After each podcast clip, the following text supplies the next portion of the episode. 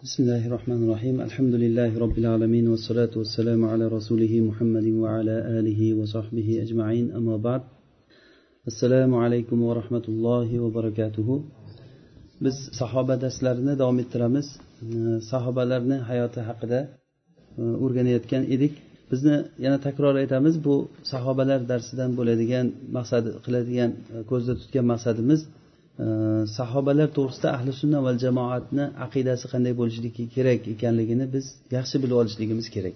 Chunki sahobalarga bo'lgan iymon bu bizni iymonimizni bir juzi bo'ladi. Sahobalarni hayoti sahobalarga bo'lgan bizni aqidamiz ularga qanday biz e, yo'lda bo'lishligimiz kerak. Sahobalar to'g'risida qanday tushunchada bo'lishligimiz kerak bu narsa juda ham muhim. Qolaversa sahobalar bizni dinimizni bulog'i bizga keladigan rasululloh sollallohu alayhi vasallamdan chiqqan din shu sahobalar orqali bizga yetib keladi. Mana shu bobdan biz o'tgan e, darslarimizda e, ahli sunna va jamoatni usullarini bu bobdagi asoslarini bayon qilgan bo'ldik. Alhamdulillah keyin sahobalardan ba'zi bir namunalar aytishlikka kirishdik. Birinchidan bo'lib turib e, biz e, shu moviy roziyallohu anhuni fazilatlari haqida gapirganimizning sababi chunki bu o'sha biz maqsad qilgan narsani bir juzi edi. O'sha bobdan moviy roziyallohu anhudan boshlab keyin e, abu bakr roziyallohu anhu haqida o'tgan darsimizda gapirdik. Bu kishi e, abu bakr roziyallohu anhu bu bizni ummatimizni e, insoniyat ichida payg'ambarlardan keyingi kishi deb e, shu narsaga e, to'xtaldik. E, chunki alloh subhanava taolo aytadiki kuntum xayro ummatin uxrijat linnas. Sizlar ya'ni muhammad sallallohu alayhi vasallamni ummati butun jamiki ummatlarni eng yaxshisi bo'ldinglaring degan. Demak bu oyatni shahodati bilan bizni ummat eng yaxshi ummat bo'layotgan bo'lsa bizni ummatni ichida abu bakr eng yaxshisi deb ijmo kelingan. Mana shu bilan tushuncha olamizki abu bakr roziyallohu anhu payg'ambarlardan keyingi kishi ekan. Bu shunchalik alloh subhanava taoloni bir fazli yog'ilgan bir barakali kishilardan ekan. Bugungi o'rganadigan e, shaxs e, abu bakr roziyallohu anhudan keyingi turadigan ummatni ijmosi bilan bu umar roziyallohu anhu bo'ladi. Umar ibn hattobni tarixlari juda ham yoyilgan juda ko'pchilik misol qiladigan u kishining ilmi haqida u kishini shajoatlari u kishining nafsiy iymoniy quvvatlari haqida e, u kishini eng tarqalgan xislatlaridan biri adolati haqida juda ham mashhur rivoyatlar e, tarixiy voqealardan bizga yetib kelgan xabarlar juda yam ko'p. Ibn javziy rahimaulloh umar ibn hattob to'g'risida katta bir mujallad kitob yozganlar. Kitob boshidan oxirigacha umar ibn hattob haqida. E, biz e, umar roziyallohu anhuni e, tarixini boshdan oyoq gapirishlikni iloji yo'q bu darsimizda boya aytganimizdek maqsadimiz biz shu bobda bir misollar keltirishlik. Misollar xuddi bir yulduzlarga o'xshaydi bizga bir yo'lni tanitadi. Mana shu bobdan va sahobalarga bo'lgan bizni muhabbatimiz hosil bo'lishligi. Hattoki o'tgan darslarimizda masalan muaviy roziyallohu anhu abu sufyon roziyallohu anhu to'g'risida gapirganimizda bizda shu sahobalarga nisbatan muhabbat hosil bo'ladi. Bu bobdagi rasulullohni hadislarini eshitsak ularni qilgan fazilatlarini eshitsak sahobalarga bo'lgan bizda muhabbat hosil bo'ladi. Maqsad shu. Umar roziyallohu anhu u kishi johiliyat davrida juda ham ancha johil bo'lgan rivoyatlarda kelishicha siyrat kitoblarida e, juda ham qattiq qo'l bo'lgan bu qattiq qo'llikni otasidan meros olgan. E, johiliyat paytida u kishi juda ham baquvvat e, kuchli yigit bo'lgan ekan. O'sha bozorda mavsumga kelgan kishilar bilan olishib hammani yiqitar ekan olishgan paytda. Bo'ylari ham juda ham uzun gavdalari juda kelishgan kishi bo'lgan sariqdan kelgan oq sariq oq kishi bo'lgan ekan. Hattoki ba'zi qarab turgan kishilar u kishini otga minib turibdi deb o'ylar ekan. Agar boshqa bir odamlarni ichida safda tursa yondan qaragan kishi bitta otliq turibdi safda turganlarni ichida deb o'ylar ekan. Hatto otni qulog'idan bir qo'li bilan ushlab bir qo'li bilan o'zini qulog'ini ushlab bir sakrab otga minar ekan. Chavandozligi shu darajagacha yetishgan. U kishi shu e, nimadan ham hech kimdan u kishi johiliyat paytida ham hech kimdan qo'rqmagan. Islomga kirgandan keyin bu kishini islomi bilan alloh taolo o'zi islomni aziz qilgan. Rasululloh sollallohu alayhi vasallam duo qilganlarki ey ollohim e, islomni ikkita umarni bittasi bilan aziz qilgin. Qaysisi senga yaxshiroq bo'lsa o'sha? Bittasi umar ibn hattob bo'lsa bittasi abu jahl bo'ladi. Abu jahlni oti ham e, umar ya'ni amr ibn hisham. E, abu jahl umarga tog'a bo'ladi. O'sha umarni onasi abu jahlni e, nima opasi bo'ladi. Abu jahlni opasi yoki singlisi e, opasi bo'ladi abu jahlni. E, shu bilan umarga jiyan bo'ladi. Shu ikkalasidan qaysisi yaxshi bo'lsa o'sha bilan o'zing islomga izzat bergin deb duo qilganlarida o'zi ertasi kuni ertalabda umar islomga kelgan. Islomga kelganligida ham e, u kishini sababchisi singlisi bo'ladi. Rasulullohni har xil rasululloh haqida gaplar tarqab ketavergandan keyin umar bu odamdan qutulmasak bo'lmaydi men o'ldirib kelaman deb qilichini qo'liga olib rasululloh tarafga qarab yurib ketish paytida rasulullohni oldiga qarab o'ldiraman deb ketish paytida u kishini oldiga nuaym ibn abdullah chiqib qayerga boryapsan? deganda men mana muhammad deganni o'ldirib kelgan ketyapman. Hammani toza bezor qildi bu odam deganda keyin bu kishi rasulullohdan uni burishlik uchun umarni qaytarishlik uchun sen avval o'zingni bajargin seni singling o'zi islomga kelganku kuyoving bilan singling sendan yashirib musulmon bo'lib yuribdi deganda e hali shunaqami deb umar qaytib ketadida to'g'ri singlisini uyiga boradi. Shunda singlisini uyida e, qur'ondan dars qilib turishgan bo'ladi va o'sha eshikni taqillatish paytida o'zi qur'onni o'qib turganligini bu eshitadi. Ichkariga kirgandan ular e, nimalar ichkaridagi kishilar yashirinadi. Singlisi oldiga chiqqandan keyin birdan singlisiga hali sen aynib yuribsanmi menga bildirmasdan deb singlisini urib boshini yoradi. Yuzidan qon kelganidan keyin singlisi keyin achchig'idan ha men islomga kirdim qo'lingdan kelganini qilgin deb yig'lab o'tirib qolgandan keyin o'zini e, singlisiga rahmi kelib shunda alloh taolo rasulullohni duosini ijobat qilib qalbiga iymon solib nimani o'qiyotgandinglar boya deydi. Men eshitdim deganda yo'q hech narsa emas yo men eshitdim olib kel deganda e, yo'q sen e, janobatdagi odamsan senga mumkin emas bu qur'onni o'qishlik deganda qo'ymasdan shuni o'qib eshittiradi. Bunda o'sha toha surasidan bir qancha oyatlar o'qib eshitganda shu paytda o'zi islomga keladi. G'usul qilib islomga kelib keyin rasulullohni oldilariga boradi shu yerda islomini e'lon qiladi. Bu kishini islomga islomini e'lon qilishligi bilan islomni azizligi boshlanadi. Hattoki abdulloh ibn masud roziyallohu anhu aytganlar umarni islomi bu fath bo'lgan edi va hijrati nusrat bo'lgan edi va u kishini imomchiligi ya'ni xalifaligi rahmat bo'ldi. Bir paytlar biz kabani atrofida namoz o'qiyolmay yurardik. Qo'rqardik namoz o'qishlikka. Umar islomga kirgandan keyin borib ular bilan talashaverdi olishaverdi bezor bo'lgandan e bilganingni qilib qo'yib qo'ydi keyin biz bemalol namoz o'qidik degan. Hatto umar islomga kirgan paytda islomini e'lon qilishlikda shunday chiqib jamil jamil ibn mamar al jumahiy degan bir chaqimchi kishi bo'lar ekan. Nomi chiqqan chaqimchilardan o'shani oldiga borib turib men islomga keldim der ekan.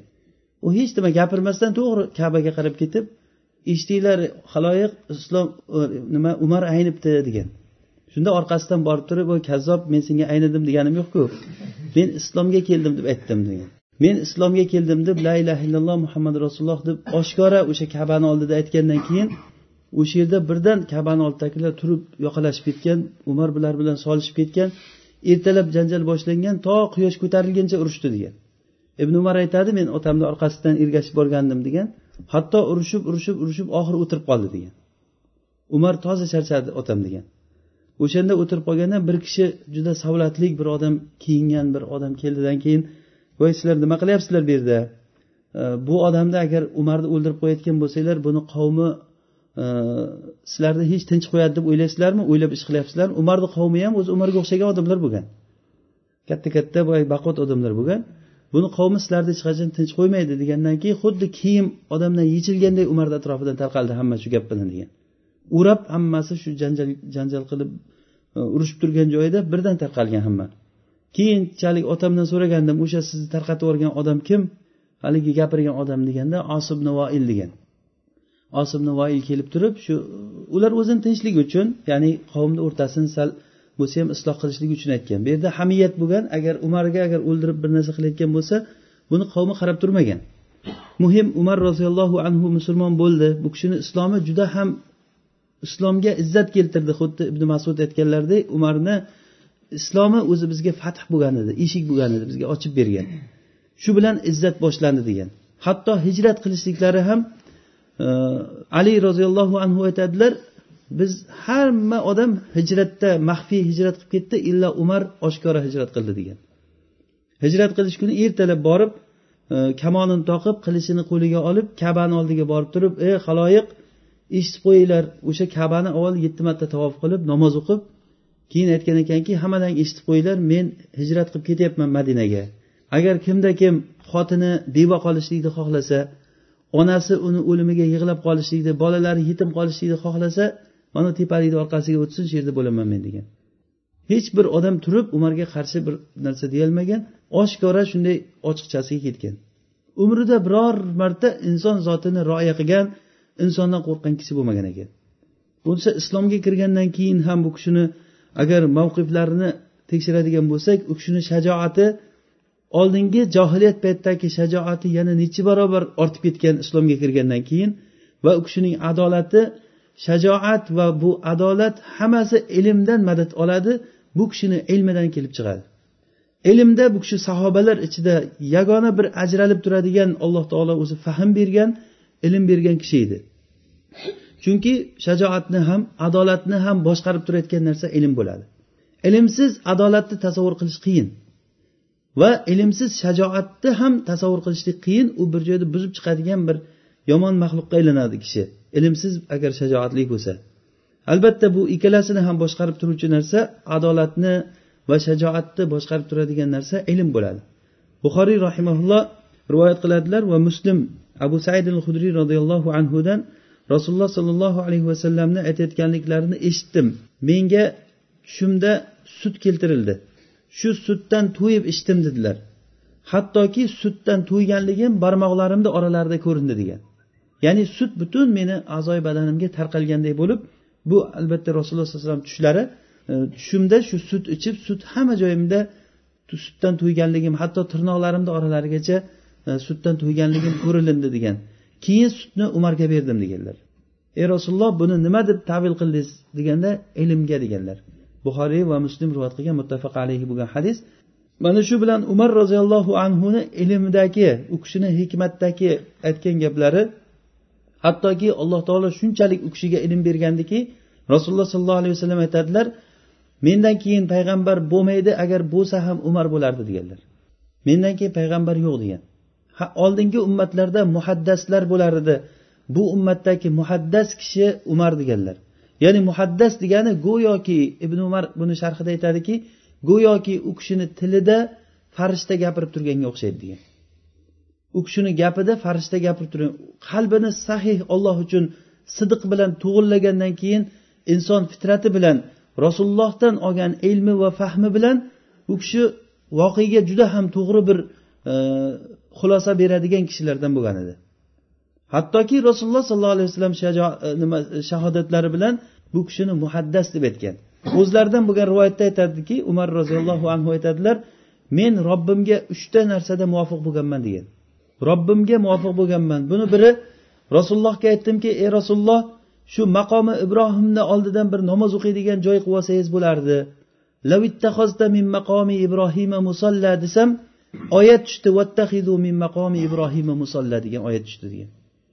Bu aynan o'sha umarda aytgan e, shu lafzlarni ma'nosida vattahidu min maqomi ibrohima musalla ya'ni maqomi ibrohimdan sizlar namoz o'qiydigan joy olinglar.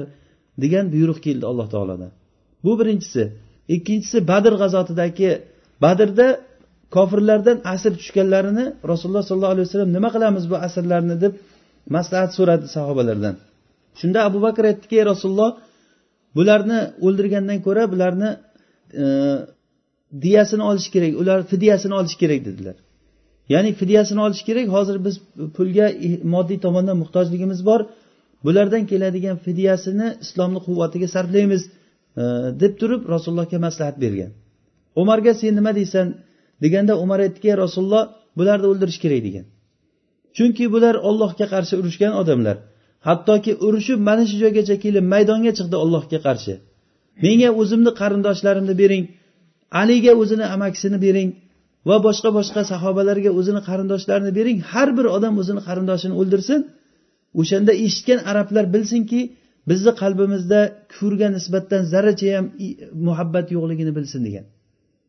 O'shanda rasululloh sollallohu alayhi vasallam sen xuddiki nuhga o'xshaysan deb abu nima umarni maqtadilar va abu bakrga sen xuddi ibrohimga o'xshaysan deb turib ikkalasini ham maqtab rasululloh sollallohu alayhi vasallam abu bakrni nimasini maslahatini oldilar. Keyin shundan keyin shu to'g'risida oyat tushdi. ما كان لنبي أن يكون له أسرى حتى يثخن في الأرض. ya'ni payg'ambarni asrlari bo'lishligi mumkin emas hatto yerda tormor qilib islom toza o'zini quvvatini ololmaguncha asr olishlik mumkin emas sizlar olgan asrlarni o'ldirishlaring kerak edi degan ma'noda oyat tushdi mana bu aynan umar roziyallohu anhuni e, bergan maslahatlari edi uchinchisi rasululloh sollallohu alayhi vasallamga umar aytdiki ey rasululloh sizni oldingizga har xil odamlar keladi. Yaxshi odam ham kelyapti yomon odam ham kelyapti ko'p odam kirib chiqadi uyingizga. Shu ayollaringizga aytsangiz hijobga o'ranib yursa hali hijob farz bo'lmasdan turib ayollaringiz hijobga o'ranib yursa hattoki savda onamizni bo'ylari uzun bo'ylik bo'lgan ekan e, kechqurunlari hojatga chiqar ekan. Unda bunday hojatxonalar bo'lmagan. Hojat qilaman degan kishilar chekkalarga borib turib e, bir tepaliklardan o'tib pastlik joylarga borib Э, hojat chiqarib kelgan. O'sha hojatga kechqurunlari chiqqan paytda ey savda seni tanidik bizlar deb qo'yar ekan umar. Ya'ni oyat tushishligini o'z nima umid qilib shunday der ekan. Hatto bu borada e, rasulullohni ayollari umarga juda norozichilik gaplarini ham bildirgan bizni uyimizga vahiy tushib turib sen nimaga bizga aralashasan uyimizga? degan ishimizga degan. Shunda rasulullohga kelib turib ey rasululloh e, ayollaringizga shu buyursangiz har xil odam kirib chiqyapti hijoblanib yursa deganda oyat tushdiki ey payg'ambar ey rasululloh sollallohu alayhi vasallam ayollaringizga ayting hijoblansin degan oyat tushdi. Va mana bu uchta o'rinda e, ibn hajar rahimaulloh aytadilarki bu nimani odobini qarang. E, umar roziyallohu anhuni men robbimga muvofiq bo'ldim deyapti. Robbim menga muvofiq bo'ldi demasdan. Chunki umar birinchi aytib oyat keyin tushgan. Ya'ni bu o'sha robbimga muvofiq bo'ldim degani umarni ilmidan va odobidanki alloh taoloni ilmi azaliy alloh taoloni kalomi azaliy o'sha azalidagi kalomiga meni gapim to'g'ri kelib qoldi degani. Ulamolar umarni yigirmaga yaqin muvaffaqiyatini sanashadi.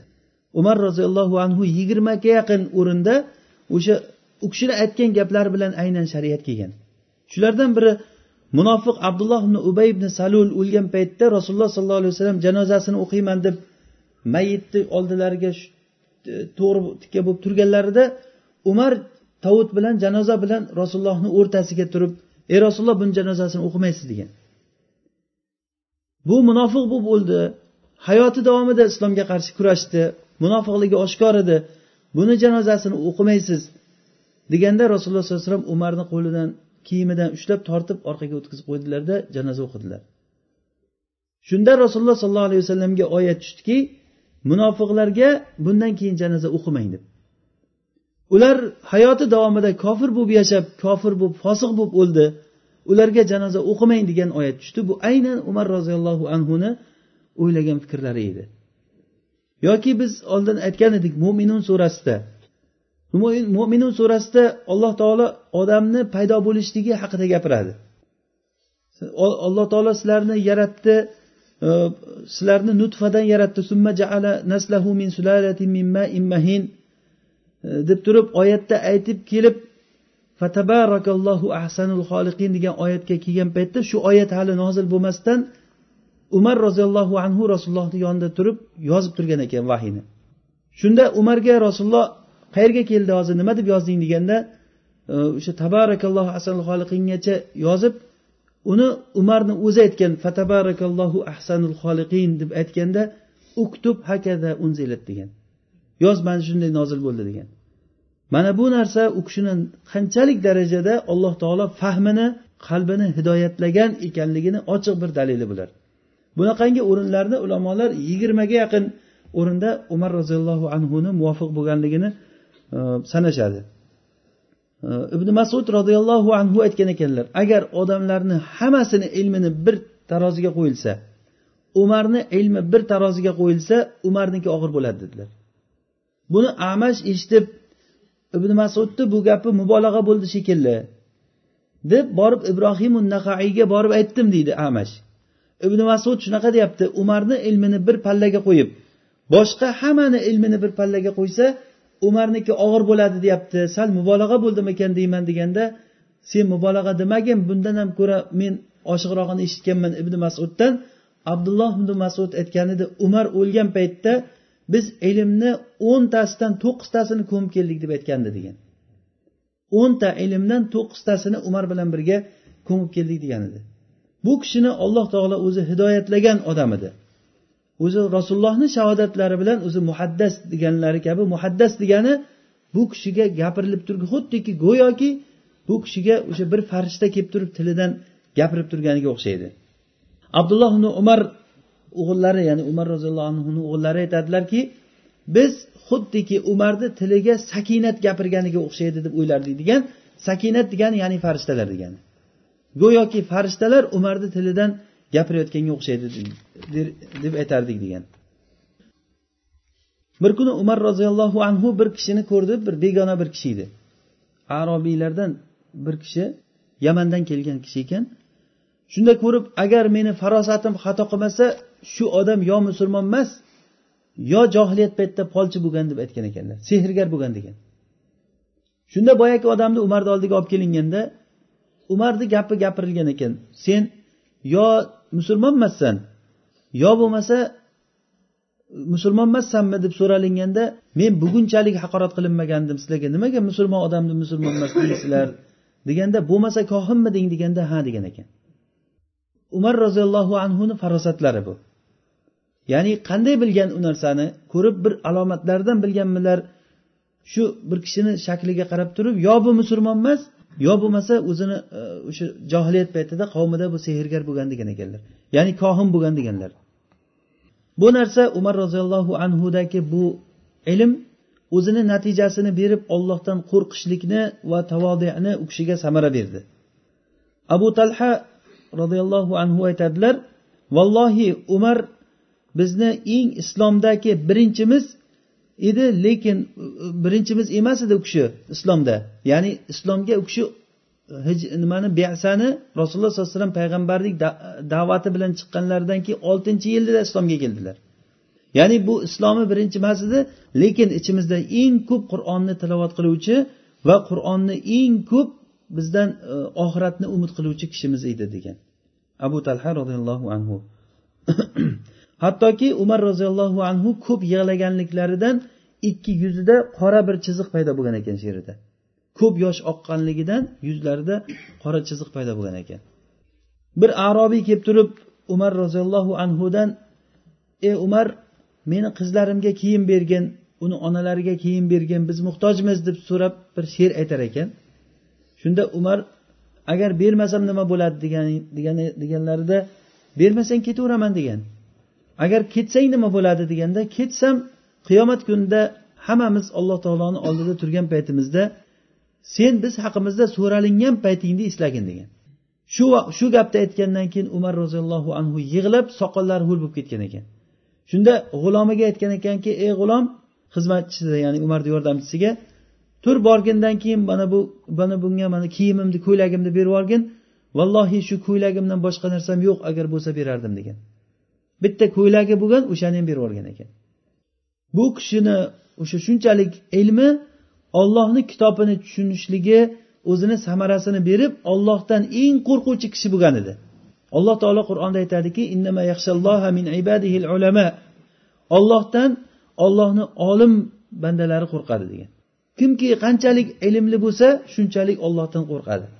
Ya'ni bu ilm deganda biz qalb kasalliklari darsimizda bu nima ekanligini biz bayon qilyapmiz.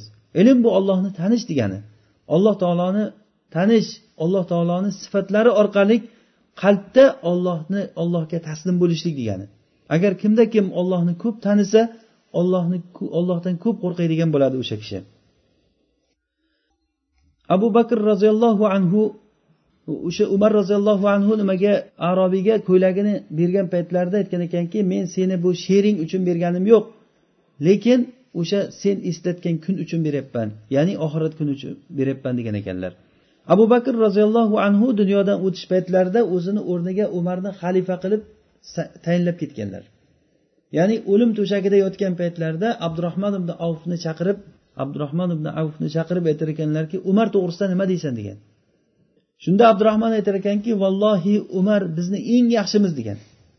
Lekin siz o'rningizga uni xalifa qilsangiz uni shiddatidan qo'rqamiz degan. Juda qattiq odam u degan. Shunda sen meni hali olloh nomi bilan olloh bilan qo'rqityapsanmi degan. Ertaga qiyomat ollohga yo'liqsam men ummatni kimga tashlab kelding desa ummatni ummatni ichidagi eng yaxshiga tashlab keldim deb aytaman degan. Usmonni chaqirgan abu nima umar nima umar to'g'risida nima deysan degan. Shunda usmon aytganki vallohi umar bizni eng yaxshimiz degan. Uni ichki holati tashqi holatidan ko'ra yaxshi degan. Ya'ni odamni ichki holati bo'ladi tashqi holati bo'ladi. Bizni tashqi holatimiz ichki holatimizdan farq qiladi. Uyda qilayotgan ishlarimiz o'zimizni oilaviy bo'layotgan muomalalarimiz o'zimiz yolg'iz qolgan paytda robbimiz bo'ladigan bilan bo'ladigan muomalamiz tashqarida masjidda qilayotgan ibodatlarimizdan ko'ra farq qiladi. U sahobalarniki aksincha bo'lgan. Ya'ni odamlar ichida ko'rinishidan ko'ra u kishining ko'rinmagan holati yana ham afzalroq bo'lgan. Hattoki abu talha aytadi bir kuni men qorong'uda umarni bir uydan chiqib ketishligini ko'rib qoldim degan. Tanib qoldim bo'yi uzunligidan. Bordimdan keyin kirsam ko'zi ojiz bir kampir o'tirgan ekan degan. Nima kim chiqib ketdi bu yerdan desam bilmadim bir kishi kelib turib menga doim shu ishlarimni qilib ketadi. Hamma yordamni qiladi menga hamma narsa olib kelib beradi. Ko'p yaxshiliklar qilyapti shu yaxshi odam ekan deganda qachongacha senga yetolmay yuraman ey umar degan ekan. Mana shunchalik darajada u kishini hech kimga ko'rsatmay qilayotgan bir yaxshilik ishlari bo'lgan. Keyin abu bakr aytgan ekanki bo'lmasa bitta varaq olib kelib qalam oldan keyin yozgin degan. Bismillahi rohmanir rohim bu abdulloh ibn abu abdulloh abu bakr ibn qahofa tomonidan beriladigan ahd. Men o'zimdan keyin ummatga bosh bo'lishlik uchun ummatni eng yaxshisi bo'lgan kishini qiyomat kuni hozir men dunyoni eng oxirgi pog'onasida turibman. Oxirat qiyomatni eng robbimga yo'liqishlikni boshlanish paytida turibman.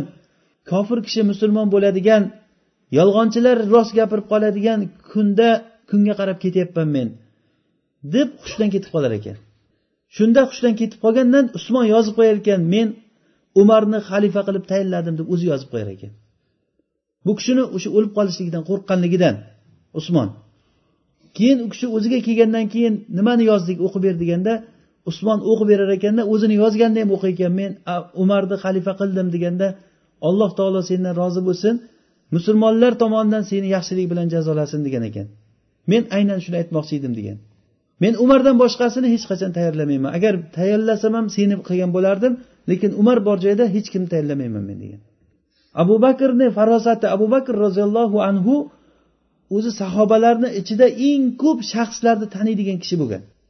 Abu bakrni xislatlaridan biri fazilatlaridan biri u kishi rijol ilmini juda ham yaxshi bilgan ya'ni har bir qavmni yaxshi tanigan ota bobolari bilan kimga borib taqaladi bular kimlar ekanligini nasab ilmini juda ham yaxshi bilgan. Umarni judayam yaxshi tanigan u kishi.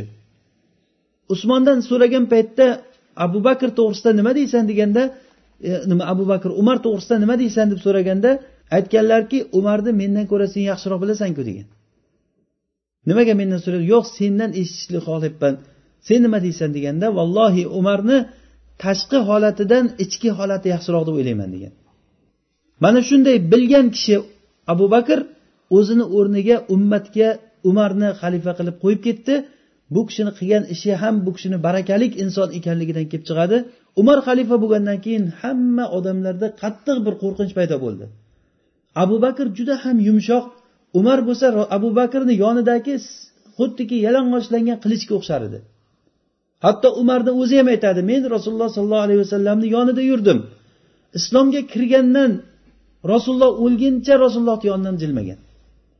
Rasulullohni yonida sug'urilgan qilich edim degan. Nima desalar rasulullohni xizmatiga tayyor edim. Rasululloh dunyoda mendan rozi bo'lib turib dunyodan o'tdilar degan. Keyin abu bakrni yonida xuddi shunday qilich bo'lib turdim degan. Abu bakr mendan rozi bo'lib turib dunyodan o'tdi. Men bu narsa bilan o'zimni baxtli his qilaman degan.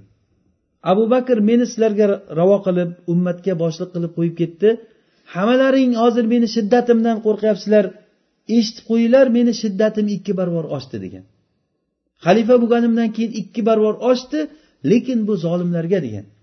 Agar vallohi kim zolim bo'layotgan bo'lsa uni olib kelib yuzini tuproqqa ishqab yuziga oyog'imni qo'yib haqqini olib beraman degan.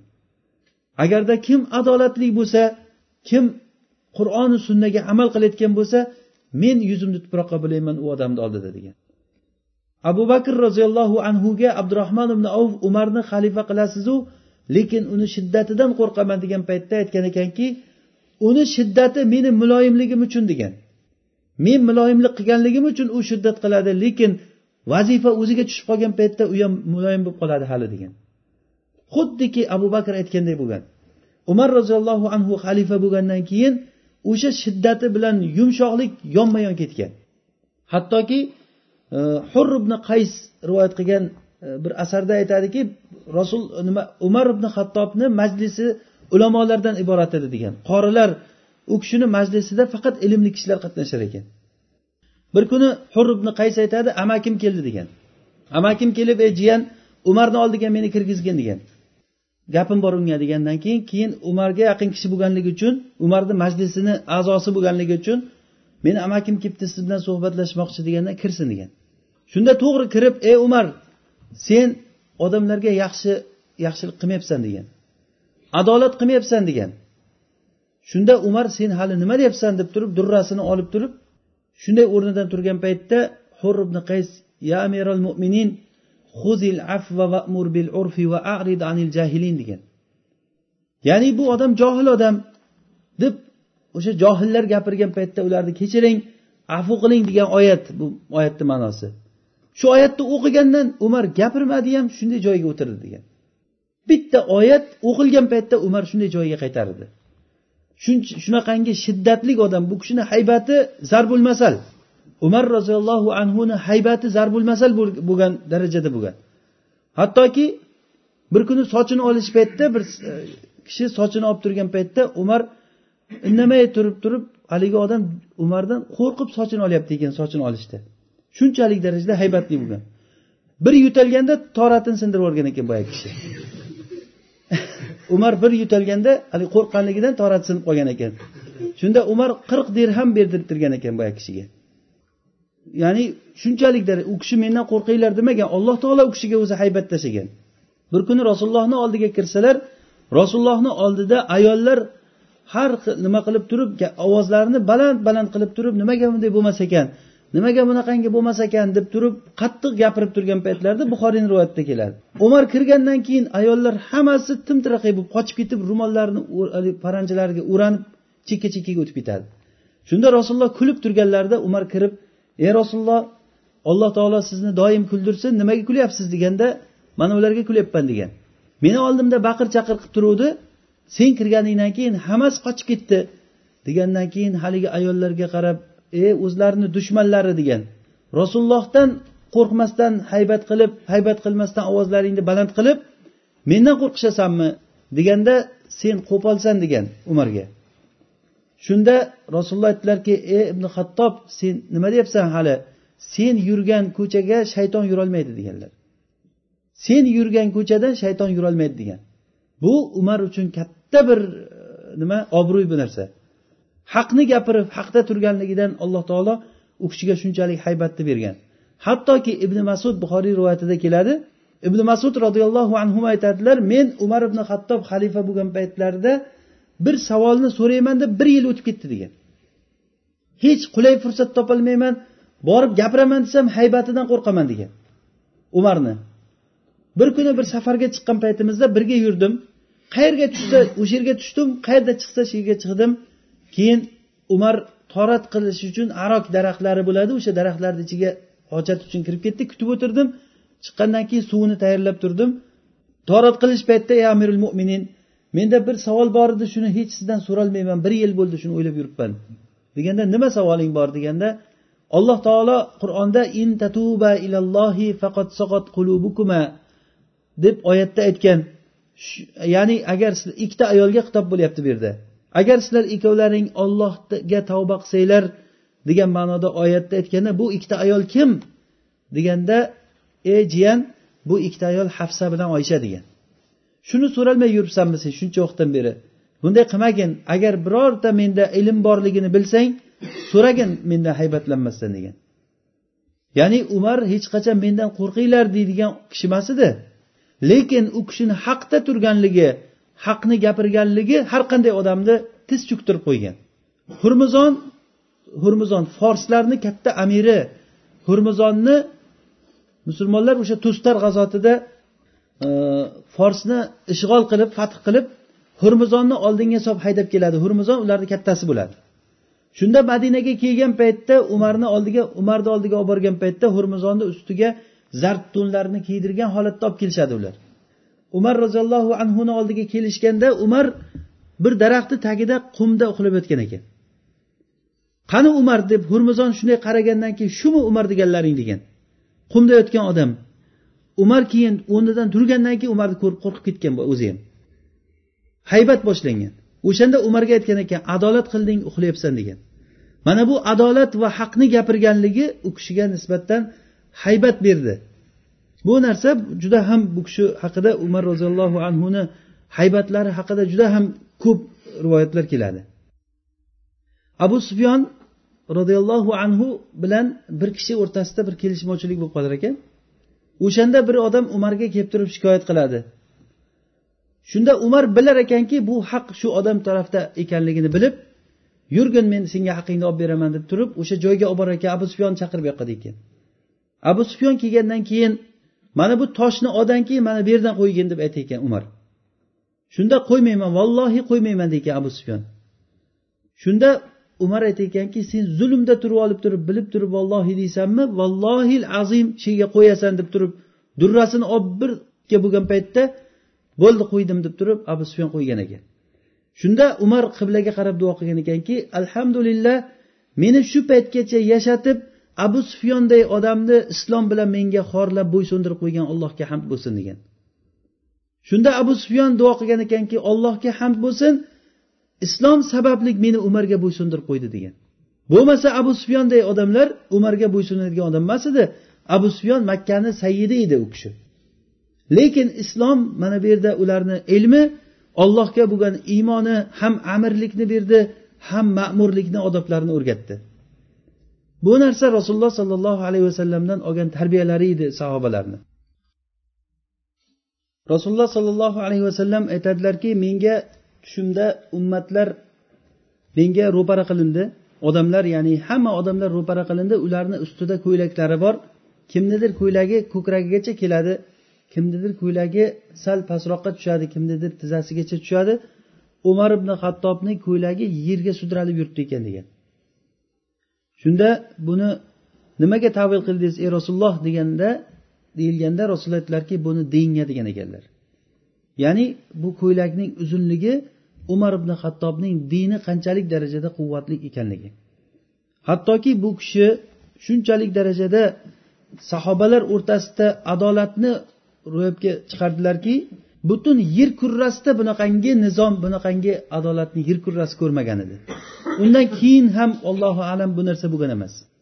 Hattoki bir kuni abdurahmon ibn avfga aytgan ekan bir tijoratchilar kelib turib mollarini madinaga tushirib sotish uchun katta bir mol olib kelgan paytda abdurahmon ibn avfga kechqurun yur ketdik tijoratchilar kelibdi shularni moliga qarovchilik qilamiz ikkovimiz degan ekan. Xalifa hech kimga bildirmasdan kechqurun hamma uxlagan paytda borib turib o'sha tijoratchilarni o'zlari ham bilmaydi buni.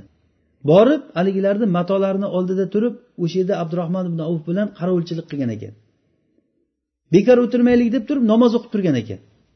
Shunda ikkalasi namoz o'qib turib tahajjud o'qib turgan holatda bir bolani yig'isi eshitilgan. Hatto shu tinmay yig'lavergandan umar borib turib sen qanaqangi bag'ritosh odamsan deb ayoliga gapirib ham kelgan ekan. Qarasang bo'lmaydimi bolangga? deb. Keyin ertalab bomdod paytida yana yig'lagan. Keyin borib turib bomdoddan bomdod paytida sen bolangga qarasang bo'lmaydimi? Nimaga bunchalik yig'latasan deganda ye men sutdan ajratuvdim bu bolani o'sha uchun bu yig'layapti degan. Hali sutdan ajratishga vaqti bo'lgani yo'q edi degan. Nimaga vaqti bo'lmasa ajratding desa chunki umar sutdan ajralgan bolalarga baytullohdan nafaqa beryapti. O'sha nafaqani olishni tezlashtirishlik uchun sutdan ajratdim degan. Umar qonun chiqargan ekanki sutdan ajralgan bolalarga baytullohdan nafaqa berilsin deb. Shunda holingga voy ey umar degan ekan. Qancha qancha musulmon farzandlarni o'ldiribsan sen degan. To'g'ri kelib turib e, masjidga kelib odamlarga aytgan assalatu jamia degan ekan odamlar yig'ilsin hamma degan. Hamma musulmonlar masjidga yig'ilganda u kishi aytgan ekanki bugundan boshlab musulmon farzandlari hammasi tug'ilgan kundan boshlab nafaqa olishni boshlaydi degan. Mana bu narsa qanchalik u kishini adolatda bu birinchi bo'lib turib o'sha nafaqa berishlikni yo'lga qo'ygan kishi. Va birinchi bo'lib turib kechalari ummatni ishi bilan aylanib nima bo'lishligini kuzatib yurishlikni o'ylab topgan kishi bo'lgan. Bir kuni o'sha madina atroflarida kechqurun nimalar bo'lyapti deb turib aylanib yurgan paytda bir ayolni ko'p bolalari yig'layotganligini ko'rgan.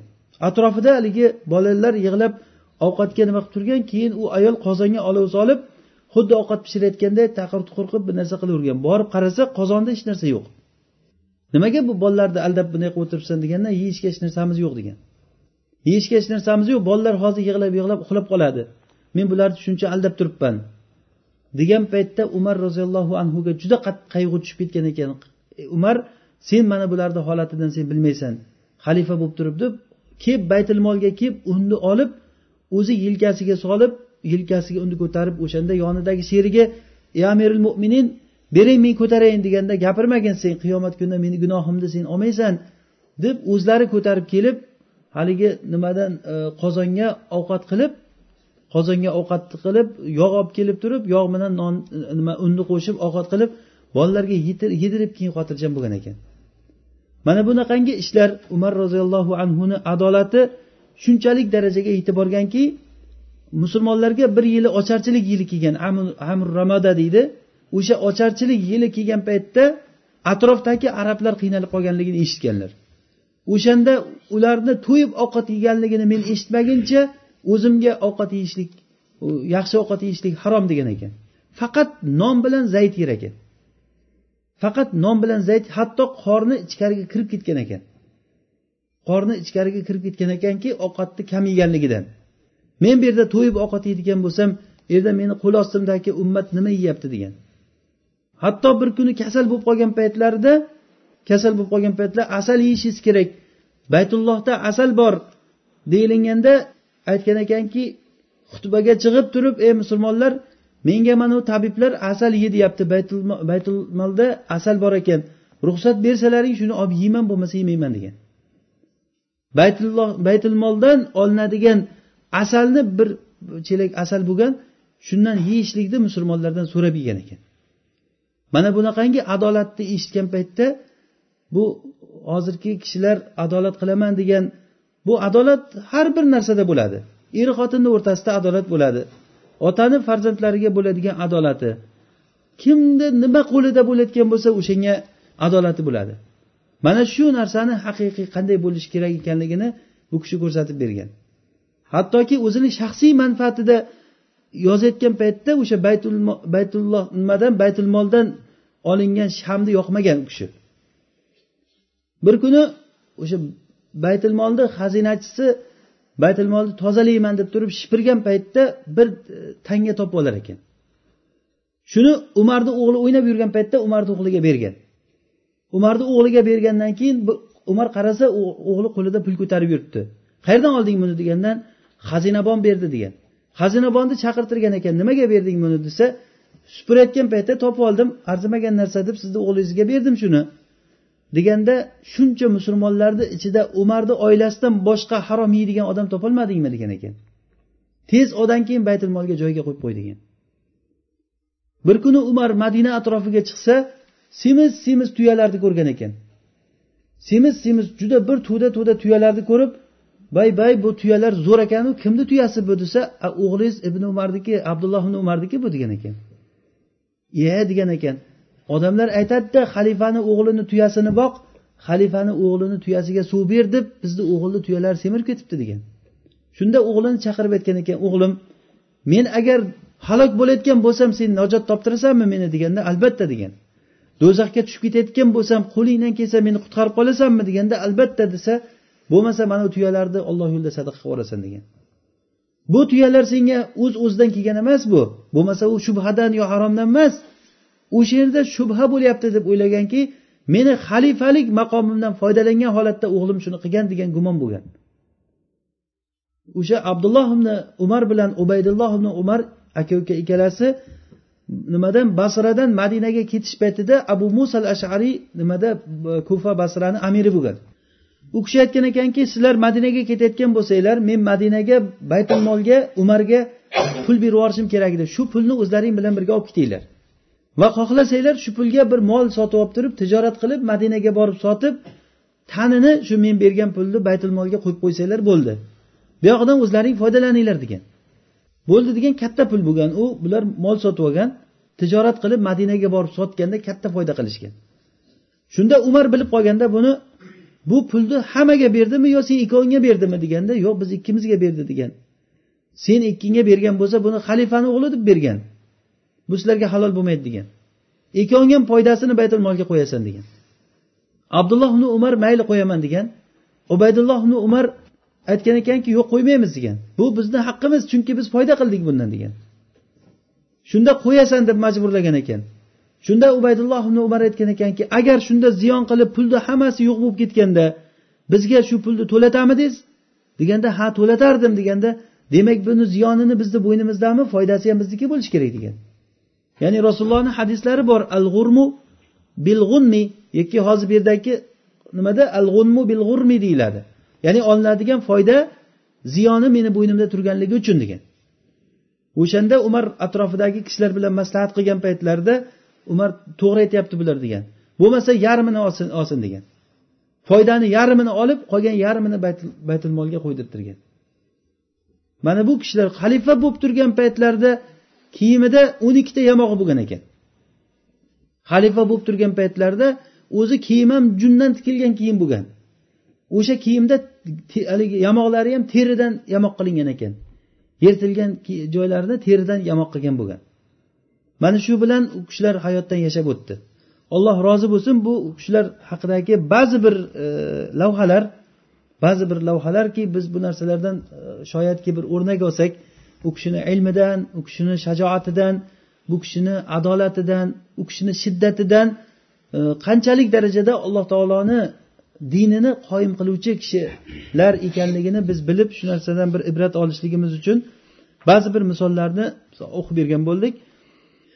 Umar ibn hattob roziyallohu anhu rivoyatlarda kelishicha oltmish uch yoshlarida bu kishi ham dunyodan o'tgan ekan. Dunyodan o'tishligi u kishi namozda turgan holatlarida abu lulua degan mug'ironi nimasi e, quli temirchi o'zi majusiy kofir kishi bo'lgan abu lulua degan. Hozir shiyalar shuni qabrini katta mashhad qilib qo'yibdi. Shahid abu luluani mashhadi deb turib umarni o'ldirganligi uchun.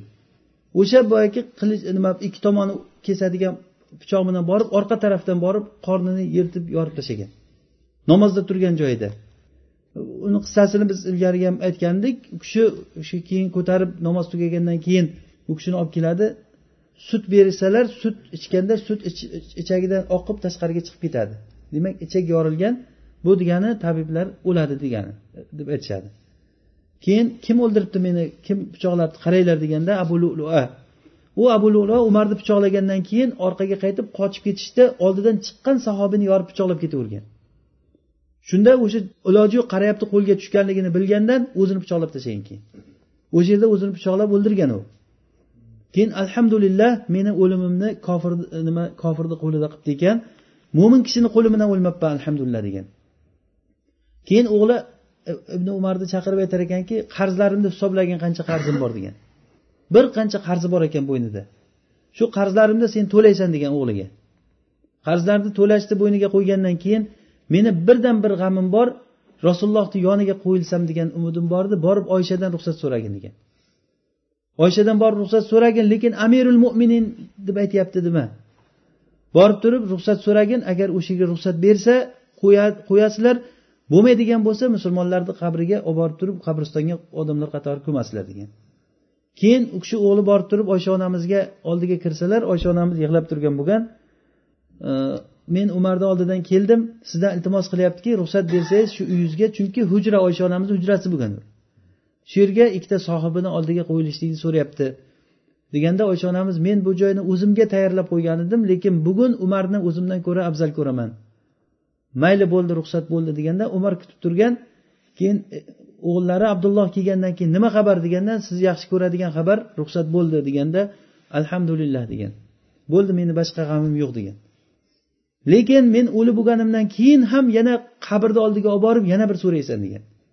Hozir balkim men tirikligim uchun ruxsat berayotgandir o'lganimdan keyin ham bir so'raysan lekin amirul mo'minin deb chunki men u kuni mo'minlarni amiri bo'lmayman degan. Umarni shu yerga qo'ysak bo'ladimi deb so'radigan. Alloh taolo rozi bo'lsin ulardan. Hayoti butun adolatga ilmga olloh yo'lidagi jihodga ollohni dinini oliy qilishlikka hayoti to'lgan kishilar edi bularga ergashishlikni alloh taolo o'zi nasib qilsin. Shu sahobalarga bo'lgan muhabbatimiz bilan inshaalloh alloh taolo jannatlarda ham shular bilan birga qilsin. Va axiru davana anilhamdulillahi robbil alamin.